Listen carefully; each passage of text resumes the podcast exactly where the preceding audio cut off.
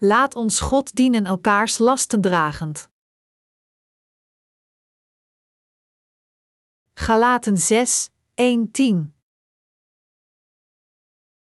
Broeders en zusters, wanneer u merkt dat een van u een misstap heeft begaan, moet u, die door de geest geleid wordt, hem zachtmoedig weer op het rechte pad brengen. Pas op dat u ook zelf niet tot misstappen wordt verleid. Draag elkaars lasten, zo leeft u de wet van Christus na. Wie denkt dat hij iets is terwijl hij niets is, bedriegt zichzelf. Laat iedereen zijn eigen daden toetsen, dan heeft hij misschien iets om trots op te zijn, zonder zich er bij anderen op te laten voorstaan. Want ieder mens moet zijn eigen last dragen. Wie onderwezen wordt, moet al het goede dat hij bezit met zijn leermeester delen. Vergis u niet, God laat niet met zich spotten. Wat een mens zaait, zal hij ook oogsten. Wie op de akker van zijn zondige natuur zaait, oogst de dood, maar wie op de akker van de geest zaait, oogst het eeuwige leven. Laten we daarom het goede doen, zonder op te geven, want als we niet verzwakken, zullen we oogsten wanneer de tijd daarvoor gekomen is. Laten we dus, in de tijd die ons nog rest, voor iedereen het goede doen, vooral voor onze geloofsgenoten. De geschrifte passage van vandaag zegt dat als de overtreding van een broeder geopenbaard wordt, wij dergelijke mensen met de zachtmoedigheid van de geest hem weer op het rechte pad moeten brengen en onszelf moeten onderzoeken. We moeten als eerste ons eigen geloof onderzoeken. In de christelijke kerken zonder het evangelie van het water en de geest zijn er gewoonlijk enkele regels genaamd kerkdiscipline in dergelijke kerken. Als een lid of een functionaris een zonde pleegt, wordt een tribunaal georganiseerd en een disciplinaire berisping uitgevaardigd. Dus volgens de ernst van de overtreding, in het geval van kerkfunctionarissen, berispingen, zoals suspensie van hun ambt, ontslag, afzetting en uitzetting worden behandeld, en in het geval van leken, zoals kritische vermaning, berisping, suspensie van de communie en uitzetting worden besproken. Hoewel deze berispingen toepasselijk lijken, is dat feitelijk niet het geval. Wat is dan de Bijbelse manier om, om te gaan met de zondigende broeders? De geschrifte passage van vandaag zegt dat we hen zachtmoedig weer op het rechte pad moeten brengen. In Gods kerk wordt de samenkomst van de wedergeboren heiligen mogelijk gemaakt door het geloof dat de Heer al onze zonden heeft uitgewist met het evangelie van het water en de geest. We moeten de zondaars door ons geloof in het evangelie van het water en de geest corrigeren, het beste voor hun zielen wensen en ook onszelf onderzoeken, uit vrees dat we niet ook aan de zonde vervallen. De apostel Paulus zei: Draag elkaars lasten, zo leeft u de wet van Christus na. Galaten 6, 2. U en ik dienen de Heer door ons geloof in het evangelie van het water en de geest, zoeken de wil van God door dit geloof, en we volgen het ook met geloof. Dat is hoe we de Heer dienen door de kracht gegeven door de Heer. In feite is de last die we dragen voor het doel van Gods werk een rechtvaardige last.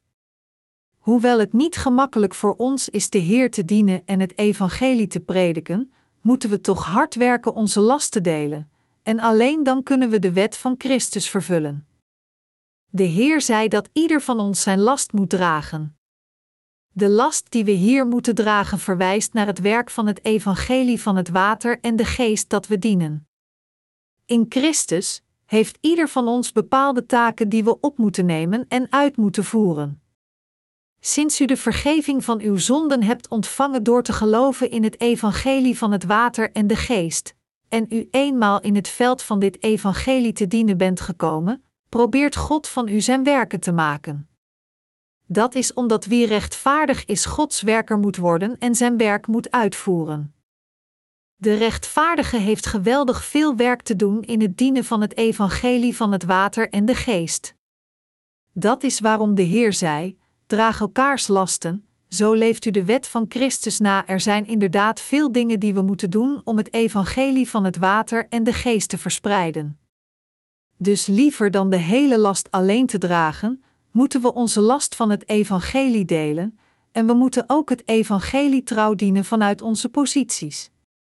Ons werk is zelfs nu toegenomen om het evangelie van God nog meer te dienen. Als ons geloof jong is, wensen we soms alleen te leven voor onszelf. Maar als we doorgaan met het dienen van het evangelie van het water en de geest, realiseren we ons dat dit niet juist is. Als we geestelijk beetje bij beetje groeien, realiseren we ons uiteindelijk dat er vele lasten van het evangelie moeten worden gedragen. Om het evangelie aan andere zielen te prediken, moeten we ons als eerste bewapenen met geloof, bidden en aandacht schenken aan de werken van het evangelie uitgevoerd door Gods kerk. Dit zijn de lasten die wij de wedergeborenen moeten dragen in zijn kerk. Alleen als we dergelijke lasten met elkaar delen, kunnen we het evangelie over de hele wereld prediken. Net zo, tenzij we leven met geloof, kunnen we niet het evangelie van het water en de geest prediken. Dat is waarom we dergelijke lasten toegewezen aan ieder van ons moeten dragen. U moet de last van het evangelische ambt dat God aan u toewijst dragen en u zelf niet van die last losmaken. Doordat de apostel Paulus ons vertelde elkaars lasten te dragen, weten we dat dit is wat we moeten doen voor de verspreiding van het evangelie. We moeten nadenken over de vraag: wat zijn de werken waar God mij mee heeft toevertrouwd? We moeten ieder onze last bereidwillig dragen, en we moeten trouw zijn aan onze toevertrouwde plichten zelfs tot het punt van de dood. God vertelde ons elkaars lasten te dragen, en we moeten trouw het werk toegewezen aan ieder van ons volbrengen. Tenzij we dit doen, zal al het werk waar God ons mee heeft toevertrouwd geruïneerd zijn.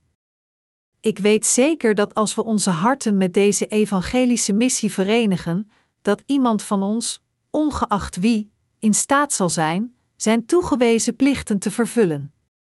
Diegenen die hun levens aan de Heer offerden, zijn vervuld met blijdschap en trots wanneer zij hun toevertrouwde werken volbrengen.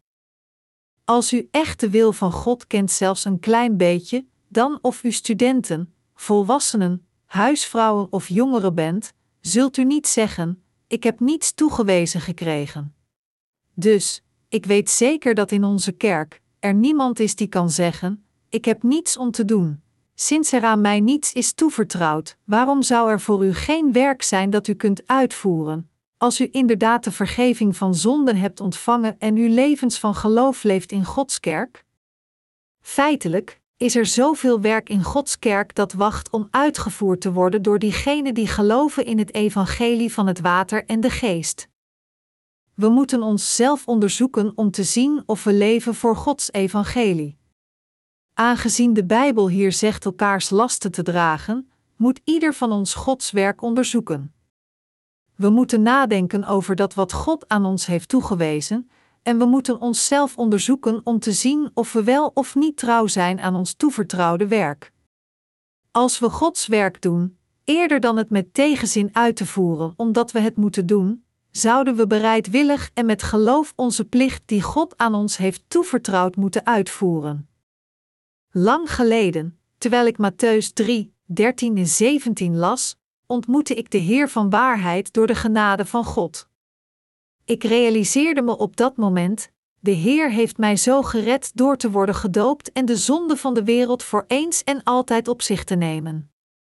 Maar, hoe zit het dan met al deze christenen? Niemand van hen kent deze evangelische waarheid. Dus, op dat moment, bad ik naar God: Vader, geef me de kracht om het evangelie van het water en de geest over de hele wereld te verspreiden. Van toen af aan was er geen weg terug. Ik gaf nooit op het evangelie van het water en de geest te dienen. Natuurlijk waren er veel crisissen die mij hinderden in het dienen van het evangelie van het water en de geest, maar ik heb dit evangelie onvermoeibaar keer op keer gepredikt. De reden waarom ik dit deed was omdat ik wist dat God me met deze plicht had belast dit onvervalste evangelie tot het eind te verkondigen. Ik wist dat als ik mezelf zou verlossen van de last het evangelie van het water en de geest te dienen en te prediken, ontelbare mensen achter me allemaal vernietigd zouden worden. Dus, hoewel ik zwaar vervolgd werd, kon ik nog steeds het evangelie van het water en de geest onwankelbaar prediken.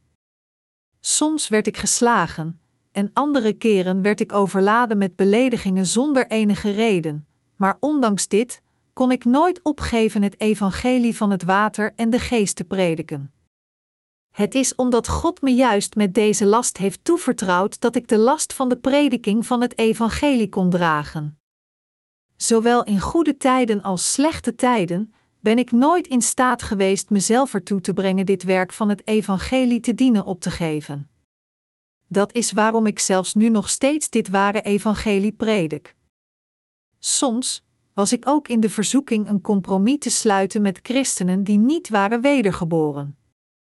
Toen mijn wedergeboren geloof nog jong was, dacht ik zelfs dat ik moest opgeven, mezelf afvragend: kan ik me niet onder de wereldlijke christenen mengen en nog steeds dit onvervalste evangelie zelf prediken? Maar dit was niets meer dan een korte, voorbijgaande vleeselijke gedachte.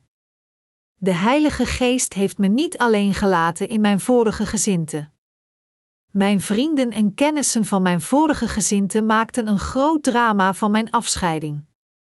Ongeacht hoe zij hun verleidelijke handen ook naar mij uitstaken, ik heb me niet meer met hen verenigd. In feite is er geen reden waarom wij de wedergeborenen geen succes in de wereld kunnen hebben. Sinds we zijn wedergeboren uit water en geest, en God nu echt uw Vader is, wat kan ons tegenhouden de beste in de wereld te worden? Ik dacht dat ik het hoofd van mijn vorige gezinte kon worden en zelfs het hoofd van alle christelijke gemeenschappen, als ik terug zou keren naar de gemeenschap van de christelijke zondaars. Echter, zelfs als ik een eersterangs burger in de wereld zou worden, kan ik het niet opgeven het evangelie van het water en de geest te dienen. Ik zou dat nooit kunnen. Zelfs als we het kleinste van al het werk in Gods kerk uitvoeren, zijn we blijer en machtiger, rijker en het beroemdst in de wereld. Net zoals ik een last van God kreeg toevertrouwd, zo is er voor ieder van u een last die toevertrouwd wordt door God. Ieder van ons moet zijn lasten dragen. Als we het kruis van Christus opnemen, zal Hij ons helpen en zegenen. Echter, als we in plaats daarvan onze lasten niet opnemen, zal de Heer ons nog helpen nog accepteren. Als we het evangelie niet dienen, dan zal God onze wijsheid en het begrip zijn woord te begrijpen wegnemen. Hij zal al zijn zegeningen wegnemen. Eerder dan te zeggen: Ik kan het werk van God om die en die reden niet doen, moeten we Gods werk onderzoeken en een dienst vinden die we kunnen doen en uitvoeren. Als u een student bent, dan moet u dit doen. U moet natuurlijk hard studeren, maar zo gauw er een mogelijkheid is, moet u het evangelie van het water en de geest aan uw vrienden prediken. Er zijn veel studenten die hun leven leeg vinden. Adolescenten zijn oud genoeg om na te denken, en sommige jongeren denken serieus over de betekenis van het leven na. Ik ben niet zeker over de jongeren van vandaag, maar in mijn tijd voelde ik de leegheid van het leven toen ik begon te pubberen rond mijn vijftiende levensjaar. Wie ben ik? Waar kom ik vandaan? Waar ga ik naartoe? Waarom moet ik sterven? Over dergelijke vragen wordt diep nagedacht als kinderen naar de basisschool of het middelbaar gaan. Natuurlijk zijn er ook kinderen die niet zo diep nadenken, maar de meeste kinderen gaan over dergelijke vragen nadenken als zij ongeveer 12 jaar oud zijn. Als er iemand is die zich deze vragen niet afvraagt, dan is hij een eigenaardig persoon. We mogen hen even goed beschouwen toebehorend aan een varkenssoort. Diegenen die niet in dergelijke varkens willen veranderen, die gewoon blij zijn te knorren als ze worden gevoed, en opeen naar het slachthuis worden gesleept, moeten geloven in het evangelie van het water en de geest gepredikt door de wedergeborenen. Er komt een tijd dat mensen serieus gaan nadenken over de komende wereld en gaan nadenken over hun zielen, en in dergelijke tijden, als de rechtvaardige hen gewoon een beetje leidt, kunnen hun zielen de vergeving van hun zonde ontvangen. Dat is waarom de wedergeboren studenten ook het evangelie van het water en de geest moeten prediken aan hun vrienden. Zeg niet in Gods kerk: Ik heb niets te doen. als we zoveel te doen is in Gods kerk, hoe kunt u dan zeggen dat u niets te doen hebt? Als we luisteren naar het woord van God, onze oren lenen aan de stem van de Heilige Geest, geloven in het woord en groeien in geloof, gaan we ons Gods doel om ons te roepen realiseren. En als we eenmaal deze wil realiseren, nemen we bereidwillig deze taak op en voeren het werk van het evangelie uit. Dit is hoe we onze lasten dragen. Er is niemand onder ons die niet dezelfde lasten draagt. Iedereen heeft zijn eigen last. De apostelen hadden ook hun lasten. Onze predikers hebben ook allemaal hun lasten. Ieder van ons heeft een last, van de jonge tot de oude, zowel mannen als vrouwen, pubers en kinderen in de zondagschool. Het enige verschil is de hoeveelheid werk waarmee ieder van ons is toevertrouwd, en elke wedergeboren persoon heeft zijn last. Als uw geloof jong is, dan kan het een last voor u zijn naar Gods kerk te komen en te luisteren naar het woord van God. Maar u moet deze last dragen. Luisteren naar het woord van God is een zeer belangrijk werk dat ieder van ons moet doen. De Heer zei: Dit moet u voor God doen, geloven in Hem die Hij gezonden heeft. Johannes 6 uur 29. Er is zoveel te doen in Gods evangelie. Als we een bepaald werk van God uitvoeren, denken we altijd: als dit werk is gedaan, laten we dan een pauze nemen en wat uitrusten. Maar als we eenmaal dit werk af hebben, wacht er nog meer werk op ons, en dus moeten we nog harder werken dan voorheen. Mijn medegelovigen, terwijl wij de Heer dienen, neemt de last van dienst feitelijk meer en meer toe. Echter, als we de last van de Heer dragen, draagt de Heer de last samen met ons, en dus is onze last licht. Omdat de Heer ons helpt, zijn onze lasten voldoende draagbaar ondanks dat zij blijven toenemen. Onlangs hebben we onze website vernieuwd om meer bezoekers op onze site toe te laten. Veel werkers werkten dag en nacht voor maanden aan dit project. Dat is omdat we niet alleen een Engelstalige site moesten vernieuwen, maar alles moest vertaald worden en vernieuwd in meer dan twintig talen. Dientengevolge hebben we meer bezoekers die naar onze website bezoeken en door ons materiaal surfen. Al ons werk is tot nu toe niet voor niets geweest. Omdat ieder van ons zijn last zo heeft gedragen, hebben we vele geestelijke vruchten gezien. Sinds we elkaars lasten hebben gedragen en onze rol vanuit elk onze positie hebben vervuld, hebben we veel evangelische boeken gepubliceerd en we delen deze nu over de hele wereld. Omdat we de evangelische boeken van het water en de geest in veel verschillende talen hebben vertaald en hen op onze website hebben gezet in papierboeken en e-boeken, kunnen mensen over de hele wereld onze e-boeken downloaden en onze papierboeken ook gratis bestellen. Het komt juist doordat we samenwerken dat de verspreiding van het evangelie met en dergelijk geweldig succes gebeurt. De laatste tijd hebben veel Duitsers onze site bezocht. Als twintig van onze werkers persoonlijk naar Duitsland zouden gaan om daar te prediken, zouden we dan een tiende hebben volbracht van wat we hebben volbracht door het internet in de verspreiding van het evangelie? Nee, we zouden daar nooit volbracht hebben wat hier in Korea hebben volbracht door het internet. Er zijn nog steeds te veel landen waar het evangelie van het water en de geest niet is doorgedrongen.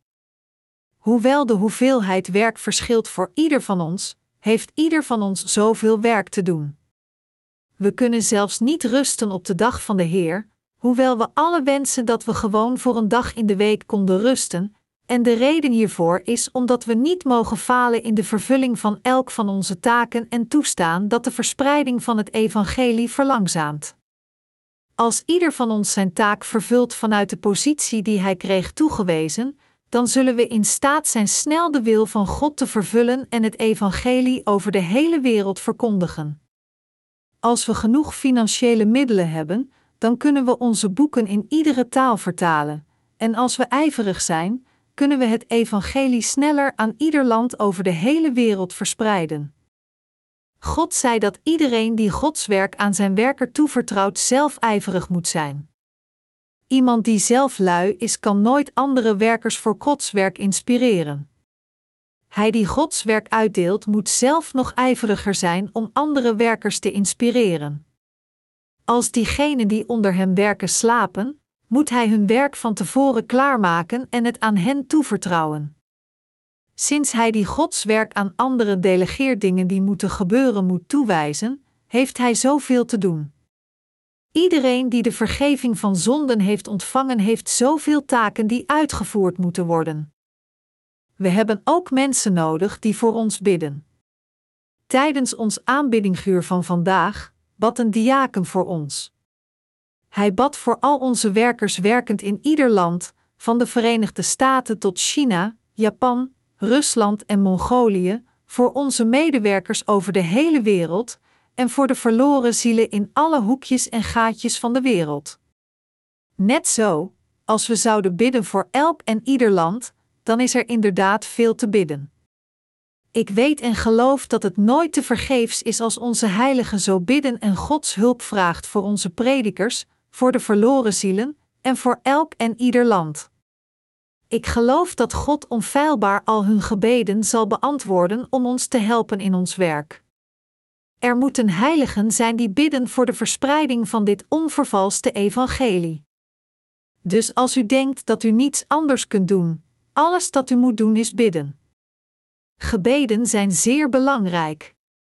Het is ook vanwege dit dat we voortdurend ochtendgebed samenkomsten houden in de kerk.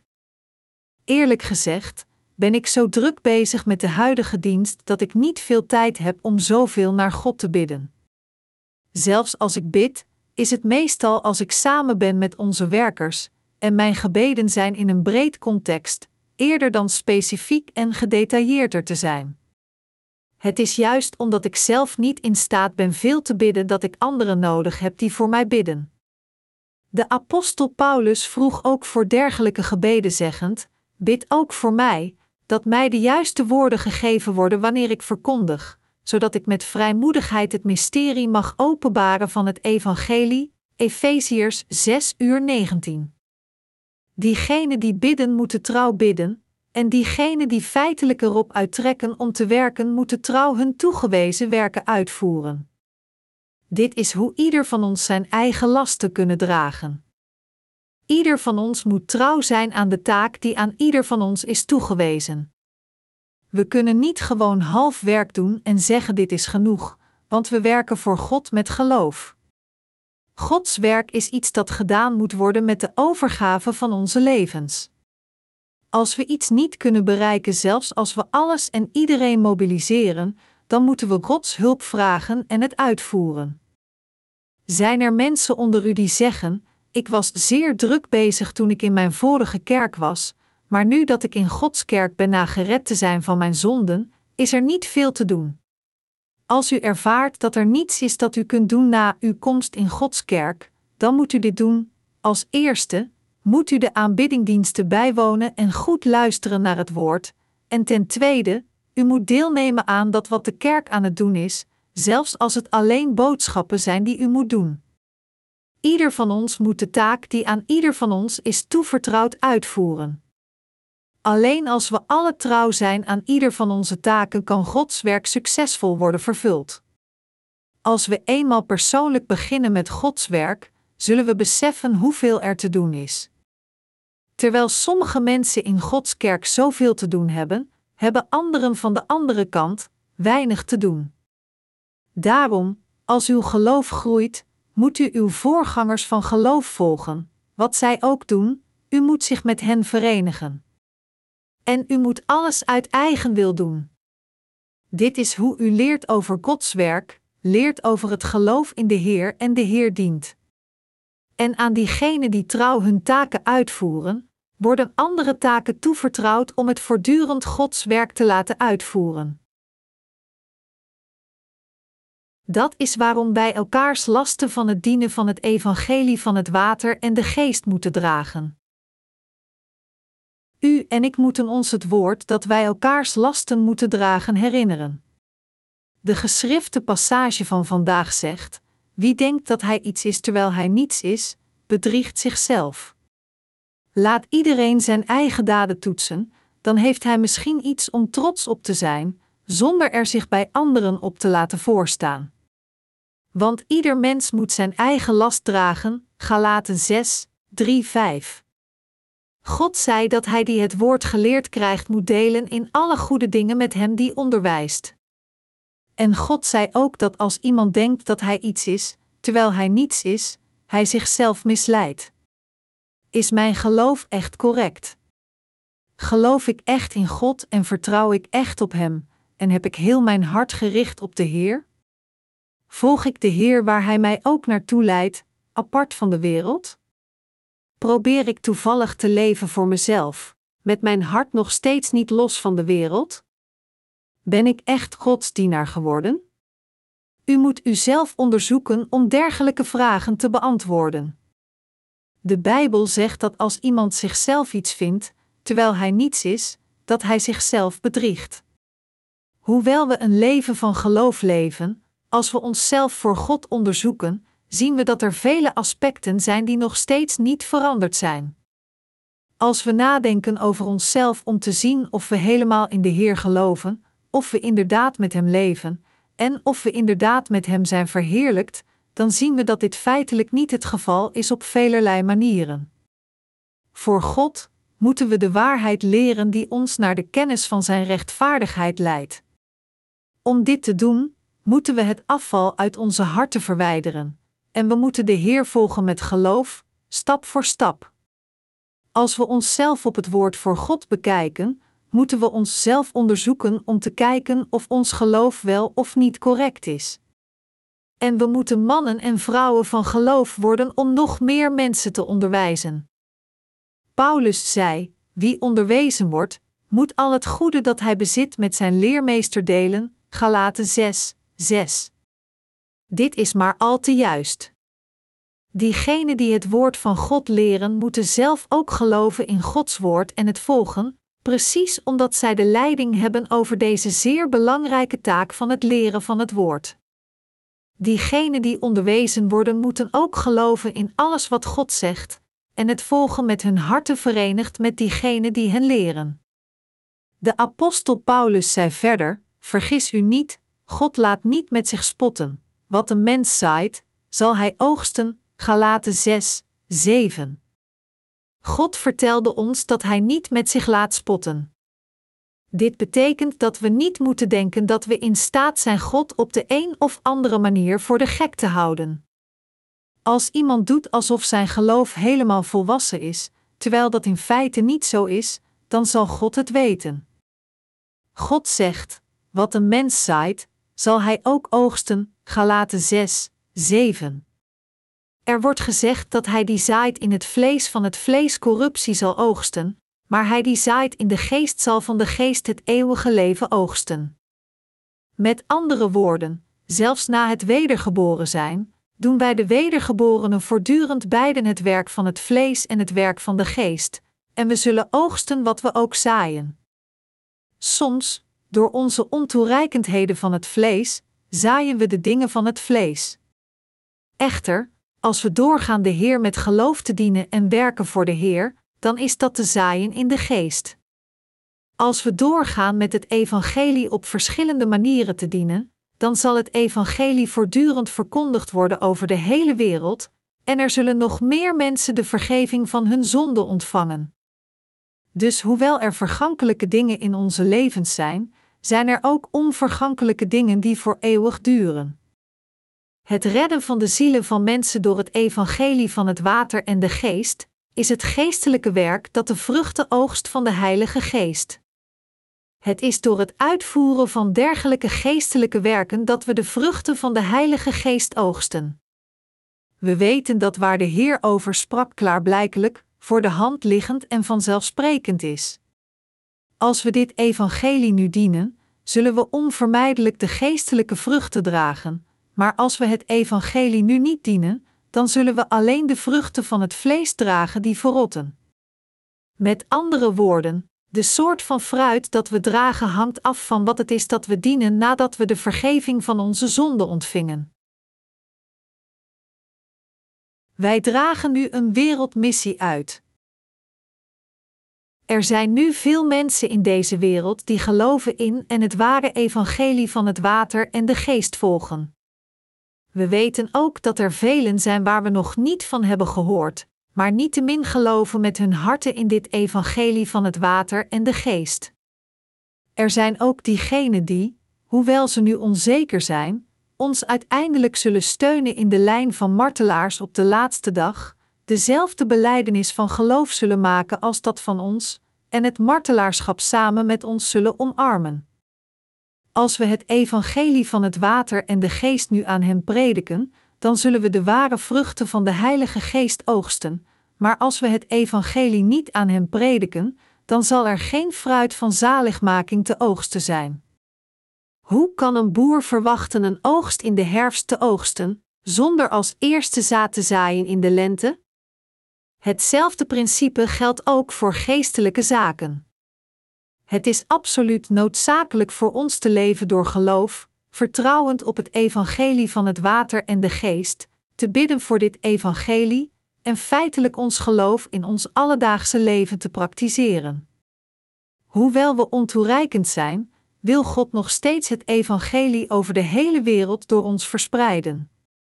Als ik naar het buitenland reis, kom ik veel missionarissen tegen gestuurd door Korea die werken bij de lokale gemeenschappen. Maar wanneer ze ons benaderen, wij die gekomen zijn om het evangelie van het water en de geest te verspreiden, maken zij het ons zeer moeilijk.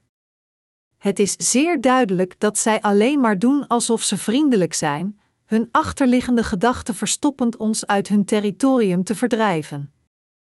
Ze zouden vreugdevol moeten zijn als we hun vertellen dat we gekomen zijn om het evangelie van het water en de geest te prediken, maar zij zijn zo achterdochtig en wantrouwig naar ons toe.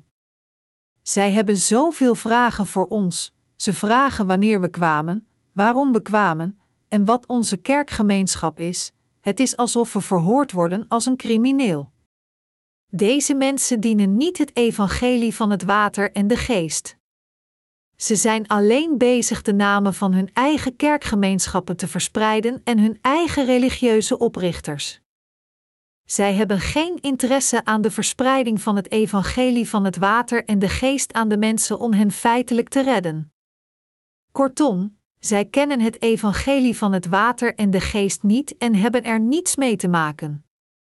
Onder diegenen befaamd door hun buitenlandse missionariswerk, zijn er velen die alleen hun namen of hun eigen rechtvaardigheid verspreiden.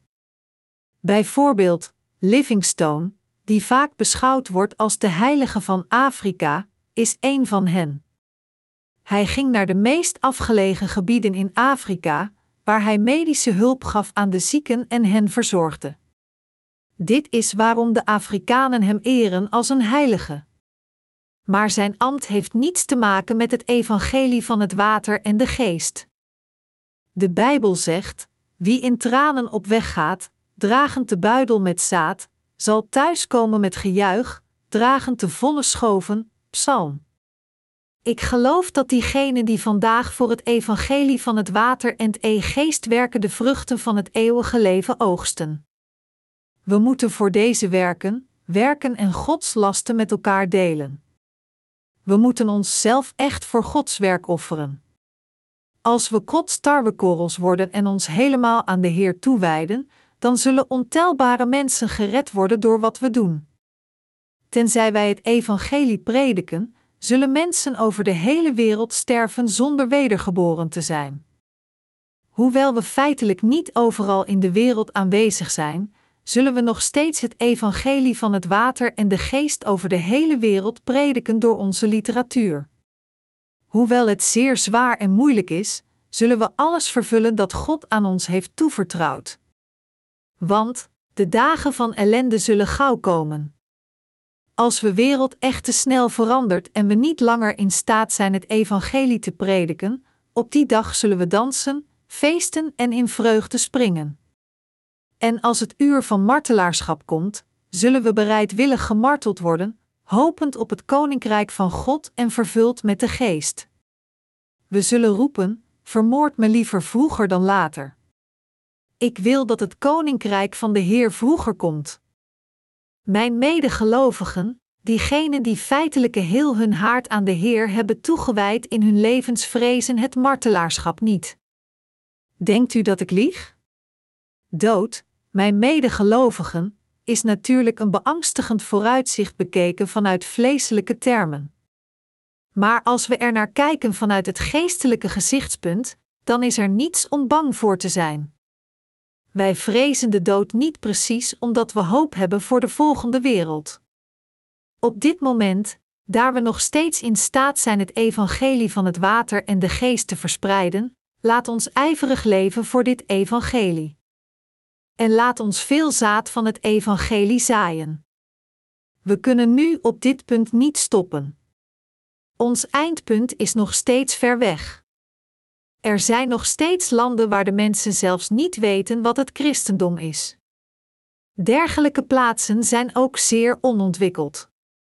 En de mensen daar zijn te onwetend over God. Toen ik een paar jaar geleden Mongolië bezocht, vroeg ik iemand naar God, en hij vertelde me dat Boeddha God was. Met andere woorden, Mongoliërs hebben het concept van God als Boeddha. Hun concept van godheid wordt niet gedefinieerd door het woord God, maar door Boeddha, en zij geloven dat Boeddha de Almachtige Godheid is. We moeten hen vertellen over de ware God, Jezus Christus, die kwam door het evangelie van het water en de geest. We moeten de naam van God herstellen, zijn positie en plaats, en zijn macht teruggeven aan God van deze Boeddha die zijn plaats innam. We moeten hen leren dat terwijl Boeddha gewoon een man was, God de ware God is die het hele universum en alles in het maakte. Daarom is er zoveel voor ons te doen. Net zoals een boer niet zijn oogst met een moment van werk oogst, zo moeten wij ook de velden van het menselijk verstand bewerken en hun zaligmaking stap voor stap oogsten. Een boer ploegt het veld, zaait het zaad, bemest het land en als er plantjes spruiten, verwijdert hij het onkruid en ongedierte, alleen dan kan hij in de herfst oogsten. Net zo zaaien wij het zaad van het evangelie volgens de tijd, verwijderen het onkruid van de bedrieglijke doctrines, geven de mest van het woord te zijner tijd, en door dit te doen, voeden we de wedergeborenen om te groeien in Gods kinderen en zijn werkers. Dat is waarom we het evangelie moeten prediken en de heiligen ook moeten voeden.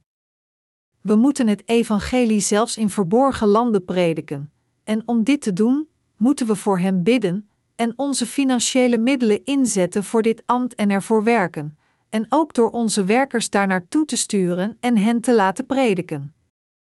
Diegenen in Korea moeten ijverig werken om voor de financiële middelen te zorgen en voorzien in genoeg aanhang voor dit evangelie. Zelfs in het leger zijn er verschillende soorten van troepen, van gevechtstroepen tot bevoorradingstroepen. In tijden van oorlog voorzien de bevoorradingstroepen de gevechtstroepen met uitrusting en levensmiddelen, terwijl de gevechtstroepen deze voorraden gebruiken om te strijden en te vechten. Net zo, om het evangelie over de hele wereld te verspreiden, moeten er werkers zijn die persoonlijk het evangelie prediken, terwijl andere werkers de financiële middelen aanreiken, en weer andere werkers die bidden voor de verspreiding van het evangelie. Er is zoveel werk van God dat we feitelijk moeten doen.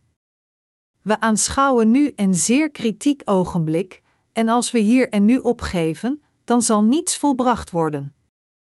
Als we onze boeken sturen naar elk land in zijn eigen taal en onze werkers voeden en koesteren, zullen veel zielen worden gered. Er is geen tijd voor ons om gewoon rond te zitten en niets te doen. We moeten ieder onze last opnemen en werken terwijl we nog steeds in staat zijn Gods werk uit te voeren. Er is nog zoveel te doen. We wilden het evangelie aan de landen van Indochina prediken, zoals Vietnam, Laos en Cambodja, maar ons werd verteld dat het nog steeds niet mogelijk is het evangelie vrij in deze landen te prediken, daar zij alle communistische landen waren tot voor kort. Hoe kunnen we dan het evangelie aan dergelijke landen prediken?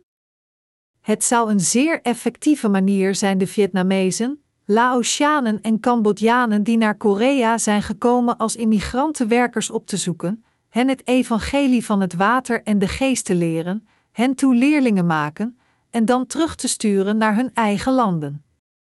Net zo zal God ons de mogelijkheden geven het evangelie op verschillende manieren te dienen zolang als we dit onvervalste evangelie met heel ons hart willen dienen. Ik ben het volledig eens met wat Paulus zei in Galaten 6, 9, laten we daarom het goede doen, zonder op te geven. Want als we niet verzwakken, zullen we oogsten wanneer de tijd daarvoor gekomen is. Paulus zei ons dat we goed moeten doen en ijverig moeten werken. Als we dit evangelie ijverig dienen, bidden en niet vermoeid worden, zullen we oogsten als de tijd rijp is. Met andere woorden, we zullen oogsten als we ijverig zijn. U hebt waarschijnlijk vaker gehoord hoe mensen van over de hele wereld ons dankbrieven sturen en ons vertellen over hun zaligmaking. Hadden we deze mensen kunnen oogsten, als we niet het evangelie van het water en de geest hadden gepredikt? Het is omdat we onze boeken hebben gepubliceerd en onze boeken versturen dat we in staat zijn dergelijke vruchten in vreugde te oogsten. Iemand beleidt zelfs dat terwijl hij zijn hele leven theologie studeerde, een van onze boeken alleen meer invloed op hem had dan al het andere dat hij ooit had gelezen. Paulus zei: Laten we daarom het goede doen, zonder op te geven, want als we niet verzwakken, zullen we oogsten wanneer de tijd daarvoor gekomen is. Galaten 6, 9. Zoals beloofd in deze passage, als we ijverig het werk van het evangelie uitvoeren, zullen we de overvloedige vruchten van geloof oogsten. We moeten Gods werk ijverig doen zolang als het nog kan. Paulus zei verder: laten we dus, in de tijd die ons nog rest, voor iedereen het goede doen, vooral voor onze geloofsgenoten. Galaten 6 uur 10. En de wedergeborenen moeten attent zijn voor hen mede wedergeboren broeders en zusters. We moeten hen leren, wij de wedergeborenen moeten leven door geloof, voor hen bidden en hen leiden te leven met geloof, en als zij uw hulp nodig hebben, moeten we hen helpen. Als het is om het evangelie te prediken, dan is het goed voor de wedergeborenen aandacht te besteden aan hun familieleden. Maar het is niet goed voor hen te worden geofferd voor het lichamelijke nut van hun familieleden. We moeten het evangelie dienen en het bij iedere gelegenheid prediken. De tijd gaat meedogenloos voorbij, maar wat doen we echt? Wat hebben we gedaan? En wat moeten we blijven doen in de dagen die komen? We moeten naar ons kijken zodat we geen kostbare tijd nutteloos verspillen. We zullen nog meer e-boeken op het internet zetten en nog harder werken, zodat iedere dag meer dan 10.000 mensen over de hele wereld onze boeken kunnen downloaden. Anders dan in het verleden, waar mensen reisden met het schip en paardreden, kunnen wij overal heen gaan waar we willen in een ogenblik. De hele wereld is gekrompen. Dit is de ideale tijd om het evangelie dynamisch te verspreiden. We zijn nu in staat voor de hele wereld te werken. Mijn medegelovigen, ik zeg dit niet om te klagen dat u niet hard genoeg werkt. Eerder zeg ik dit omdat we de lasten van Christus met elkaar moeten delen, en ik wil dat ieder van ons erover nadenkt hoe we dit kunnen doen. Tot de dag van vandaag heeft ieder van u zware lasten gedragen, maar u mag het vertrouwen niet verliezen. In plaats daarvan moet u doorgaan de last van het evangelie te dragen en het over de hele wereld verspreiden tot de dag dat onze Heer terugkeert. Gauw zal de dag komen dat we niet in staat zijn het evangelie te prediken. Dus laten we alle onze lasten dragen voor het welzijn van het evangelie. Op dit moment zijn we nog steeds in staat het te prediken. Hebt u het gevoel dat uw huidige last al zwaar genoeg is, en toch wordt u nu gevraagd nog meer lasten te dragen? Vindt u dit onhoudbaar en te zwaar om te dragen? Zou u wensen dat u hen kon afgeven? De last van de Heer is een mysterieuze last. Hoe meer we dragen, hoe sterker we worden, ons in staat stellend het allemaal te dragen. Als de last te veel is voor ons om te dragen, zal de Heer het namens ons dragen, dus zelfs als de lasten van de Heer toenemen, wordt het niet zwaarder voor ons om te dragen. De lasten van de Heer zijn zo dat hoe meer we dragen, hoe lichter het wordt, echter, als we het afnemen, zal de last van de wereld ons zeer zwaar neerdrukken. Ik geef heel mijn dankbaarheid aan onze Heer. Wij die geloven in het evangelie van het water en de geest hebben de glorie aangedaan dat ons in staat stelt de lasten van de Heer te dragen. Hallelujah.